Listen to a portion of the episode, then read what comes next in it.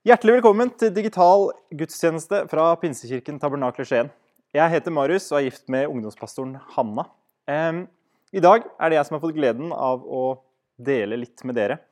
Og I dag har jeg lyst til å dele en ganske kjent historie fra Bibelen, som jeg har lest mye den siste uka, og kanskje spesielt den siste måneden. Det er en veldig kjent beretning som handler om noen som bærer vennen sin framfor Jesus. Eh, Og det her har blitt et bilde på meg for noe som jeg har valgt å kalle en voksende kirke. Eh, Og jeg er veldig opptatt av småfellesskap. Eh, Det har vært veldig viktig for meg de siste fire-fem åra, og jeg har vært så heldig at jeg har gått i småfellesskap de siste fire-fem åra. Først i Kristiansand, i Hillsong. eh, Og når vi flytta hit, så var jeg også så heldig at jeg fikk lov til å delta i småfellesskap. Og det er noe som er veldig godt for troa mi. Det er noe som et sted jeg kan komme, møte venner, skape relasjoner, eh, bli kjent med nye mennesker, hvor vi kan bygge tillit til hverandre, vi kan dele ting som er tungt, vi kan dele ting som er bra, eh, og vi får lov til å bare bli bedre kjent med hverandre, og også bli bedre kjent med Gud. Jeg har lyst til å lese denne historien fra Markus kapittel 2. Noen dager senere kom Jesus igjen til Kapernaum, og det ble kjent at han var hjemme. Det samlet seg så mange at de ikke fikk plass, ikke engang utenfor døren. Mens han forkynte ordet for dem, kom de til ham med en som var lam. Det var fire mann som bar ham, men de kunne ikke komme fram, til ham pga. trengselen. Derfor brøt de opp taket over stedet der han var, laget en åpning og firte ned båren som den lamme lå på. Da Jesus så deres tro, sa han til den lamme, Sønn, syndene dine er tilgitt. Dette er en historie hvor eh, Jesus har kommet til byen, og ryktene gikk om at han var i Galilea. Og Her var det fire menn som hadde lyst til å ta med kameraten sin, som var lam. De hadde lyst til å bære han fram for Jesus. De hadde hørt, hørt at Jesus kunne helbrede. De hadde hørt flere historier på at eh, han var mannen som kunne gjøre det. De lagde en båre og frakta mannen på båra. Når de kom fram til stedet der hvor Jesus var, så var det bare én utfordring, og det var at det var fullt. Det satt sikkert folk jeg ser for meg, det satt folk i vinduer og dører, og det var liksom folk overalt. Og jeg tenker at hadde det vært meg, så hadde jeg kanskje tenkt vet du hva, jeg kommer igjen neste søndag. Jeg tar og venter til neste søndag, og så kommer jeg igjen.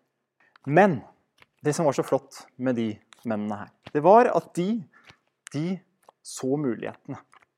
De klatra opp på taket og begynte der å grave og få seg igjennom taket. De hadde en kreativitet og en eller annen kjærlighet for at denne mannen, han skal vi få til Jesus. Han her, han skal vi få til Jesus, koste hva det koste vil. Og I dag så tenkte jeg kanskje at vi kunne prøve å forestille oss at vi er denne vennegjengen. At vi er de her fire mennene som skal frakte vår venn til Jesus. De hadde kjærlighet for medmennesker, og de fant løsning for hvordan de skulle få sin venn til Jesus. De hakker hull i taket og begynner å fire ned denne mannen. Og da snakker vi tro. Det var virkelig tro. Og jeg ser bare for meg han mannen her som ligger på båra og blir senka ned gjennom taket. Og så ser jeg for meg Jesus bare kikker opp og ser at denne mannen kommer nedover, firende ned. Og så står det at da Jesus så deres tro Altså, Jesus så at de trodde på han, og det var noe jeg stoppa litt opp med. Det var noe jeg tenkte litt på når jeg leste, spesielt den siste uka når jeg leste den her. At Jesus så deres tro. Og jeg leste at en forkynner på 1800-tallet han sa at det fantes tre typer tro. Nummer én det er troa til en mann som ligger ute i vannet og kaver og strever, og som ikke klarer å finne helt fotfeste, og så han holder på å drukne. Nummer to det er troa til en som holder seg fast i kanten på båten, og så håper han at det går bra, og så klarer han å overleve. Og nummer tre det er det som kalles en hvilende tro. Og Det er troa til de som sitter oppi båten og som kan strekke ut en hånd og hjelpe de som ligger der ute og kaver og strever, eller til de som henger der på båtrekka, så kan de strekke ut en hånd, og så kan vi hjelpe de opp i båten. Og denne dagen i Kapernaum eh, så er det fire mann som har sagt det, at vi har tro på at vår venn skal komme til Jesus. Vi strekker ut hånda. De hadde denne tro nummer tre, da, hvis jeg kan kalle det det. De hadde to, tro nummer tre, en sånn hvilende tro, en sånn trygghet på at vi, skal hjelpe de som er der ute. Så De hadde troa på at vi, vi skal hjelpe vår venn til Jesus. Og så, er det ikke, så sier jeg ikke her nå at vi skal ta oss sammen og tro mer, eller at vi ikke tror nok. Men jeg tenker at i hvert fall for min egen del så må jeg ha en mer tro på at det nytter. Det her funker. Vi må ha trua på at et møte med Jesus, det kan forvandle. Vi må ha trua på at Jesus alltid ønsker det beste for oss. Uansett hvordan vi ser på saker og situasjoner vi havner opp i, så ønsker Jesus alltid det beste for oss. Vi har veldig mange tanker noen ganger. Og vi har hørt så mange fortellinger og historier om at ting ikke går. og Vi har kanskje bedt veldig mye, og så venter vi på bønnesvaret. Kanskje vi har bedt i flere år om en eller annen spesifikk helbredelse eller en eller annen spesifikk situasjon, men vi venter fortsatt på bønnesvaret. Og Det jeg ønsker, er bare at vi ikke skal gi opp. Jeg ønsker at vi fortsatt skal ha trua på at det her går. Av og til så tror jeg det kan være lett å bare gi opp og bare slutte å be, fordi vi tenker at vet du hva, det har jeg bedt så mye om at det kommer jeg sikkert ikke til å få bønnesvar på. Tru, det er ikke noe som vi finner på. Tru, det er en gave fra Gud. Troa, den har Gud gitt oss. Og tro, det er en muskel for at vi kan komme oss gjennom livet. Og Jeg skal prøve å gi dere et lite bilde på hva en sånn liten troshandling kan gjøre. Dominobrikker regner jeg med at de fleste kanskje er kjent med. Og Hvis jeg hadde tatt en dominobrikke som var ja, nå er det vanskelig å se, for det er så lite. Én millimeter tykk brikke. Og den brikken på 1 mm, som var 1 mm tykk, den ville vært 5 mm høy. Hvis jeg hadde plassert den på høyre side av scenen her, så ville den kunne dytta en brikke som var 1,5 gang større enn seg sjøl. Det vil si at hvis jeg hadde plassert opp 13 forskjellige brikker bortover scenen her, alle kunne da velta en 1,5 gang større enn seg selv. Det vil si at den første brikken her borte, den kunne velta den 13. brikken her borte, som da ville vært 1 meter høy og 45 kilo tung. Så hvis jeg dytter den lille troshandlinga her borte, så kan jeg få den svære til å valte. Tro, det er en muskel som kan øke, og noe lite kan bli til noe stort. Den handlingen som denne vennegjengen gjorde, det var virkelig tro. De frakta vennen til Jesus. Og jeg tenker at eh, Det første jeg tenkte, var det å fire en eller annen ned gjennom det taket der Jeg hadde vært sykt happy bare for at jeg ikke hadde skada han på vei ned. Eh, det, det er imponerende. Eh, og så tenkte jeg igjen på det. Det første Jesus sier, det er 'Sønn, syndene dine er deg tilgitt'. Hvorfor, Jesus? Hvorfor er det det første du ønsker å si til den mannen her? Det var nok kanskje ikke derfor den vennegjengen kom. Det var kanskje ikke den reaksjonen de først hadde venta seg, at Jesus skulle si 'Syndene dine er deg tilgitt'. De hadde nok sett for seg at mannen skulle bli helbreda, noe han selvfølgelig også senere blei. Men det var ikke den første reaksjonen. Det var de forberedt på. De ville se at han ble helbreda med en gang. Og så kunne de legge det ut på Instagram og Snapchat og Facebook og dele det eh, på disse sosiale mediene. De hadde jo selvfølgelig ikke det da, men det er sikkert det vi ville gjort nå. Eh, det var derfor de kom. De ville se helbredelse, de ville se et under. Og så er det første. Jesus overrasker de litt med å si 'syndene dine er deg tilgitt'. Hvorfor gjør Jesus det her? Hvorfor skjer det i rekkefølgen? Først så sier han det, og så kommer helbredelsen. Det første Jesus vil at vi skal høre, det er at det her inne, inni hjertet vårt, det er det viktigste. Det at vi er tilgitt, det at vi får fred med Gud, det er det som er det viktigste. Vi kan komme til Jesus med alt det vi har gjort. Alt det gale vi har gjort. Uansett hva det er, så kan vi bare få legge det fram for Jesus. Og uansett hva slags plager og utfordringer vi har, så kan vi be til Jesus og legge det hos han.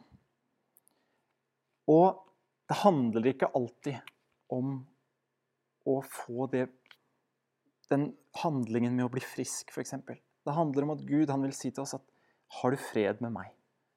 Gud ønsker at vi skal vite det først. Han vil at vi skal forstå at det først og fremst ikke er om vi blir friske, om vi får løst de økonomiske utfordringene, får løst de problemene vi har. Men Gud ønsker å si du er tilgitt, du har fred med meg. Og så tok mannen båra si, og så gikk han ut. Og så står det at menneskene hadde aldri sett noe sånt før. Og vet du hva? Jeg har en drøm. En drøm om at vi kan bli en sånn voksende kirke og et voksende småfellesskap. Tenk om det første folk hørte om vårt småfellesskap eller vår kirke, var Vet du hva? Her kan du komme. Her aksepterer de sånne som oss. Her er det første de sier. Du er tilgitt. De ser ikke på prestasjoner, de ser ikke på hva vi har gjort i løpet av, løpet av året eller årene som har gått. De ser ikke på feil og mangler, men det første de sier, er 'du er tilgitt'. Og jeg tror at mange ganger så kan det være enklere å starte med å ta vennene våre inn i et småfellesskap. Det å få dem til å bygge relasjoner, sånn at det, når vi tar dem med på møtet, så ser de å ja, men han der, han, han, han kjenner jeg igjen. Han går jo i mitt småfellesskap. Når de da ser noen de kjenner, så bygges det relasjoner, og så skaper vi relasjoner både til mennesker og til Gud.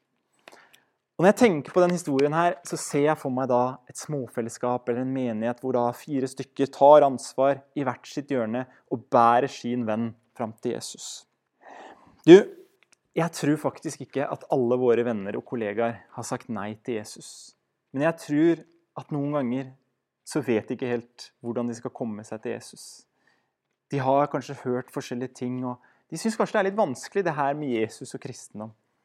Så tenker jeg hva om vi kan ta litt ansvar, og så kan vi bære de her vennene våre fram til Jesus? Bære de til kirka vår, bære de til småfellesskapet vårt. Inkludere de, bry oss om de, og ivareta de. Og så kan de få lov til å skape relasjoner med Han vi tror på.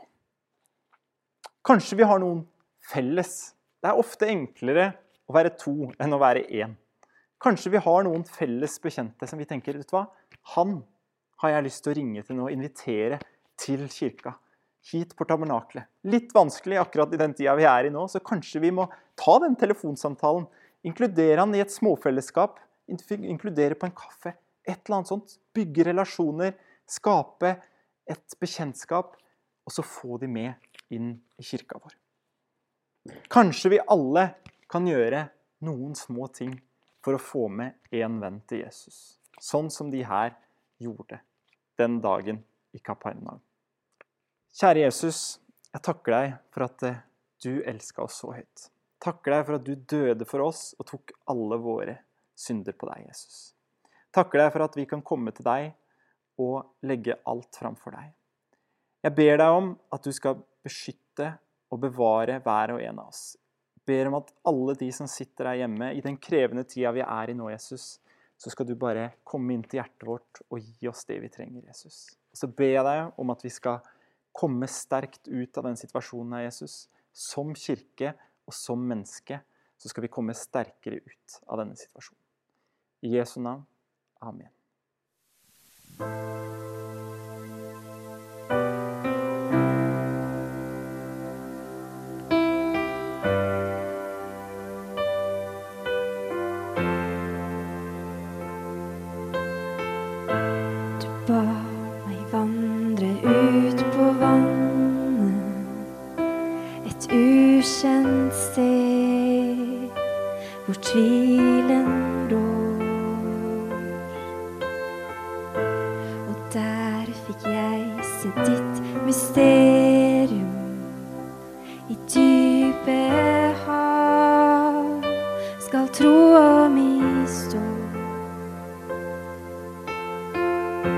For jeg vil rope ut ditt navn og søke tilflukt i din favn. Når bølgene slår, min sjel skal hvile i din favn. For jeg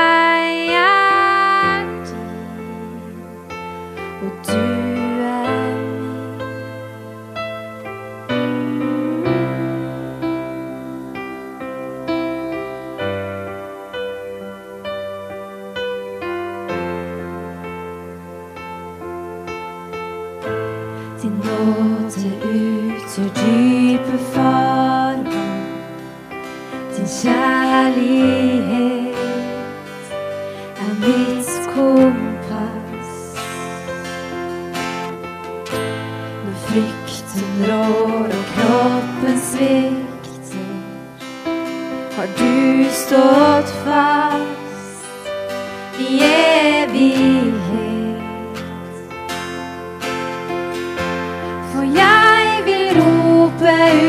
sitt navn.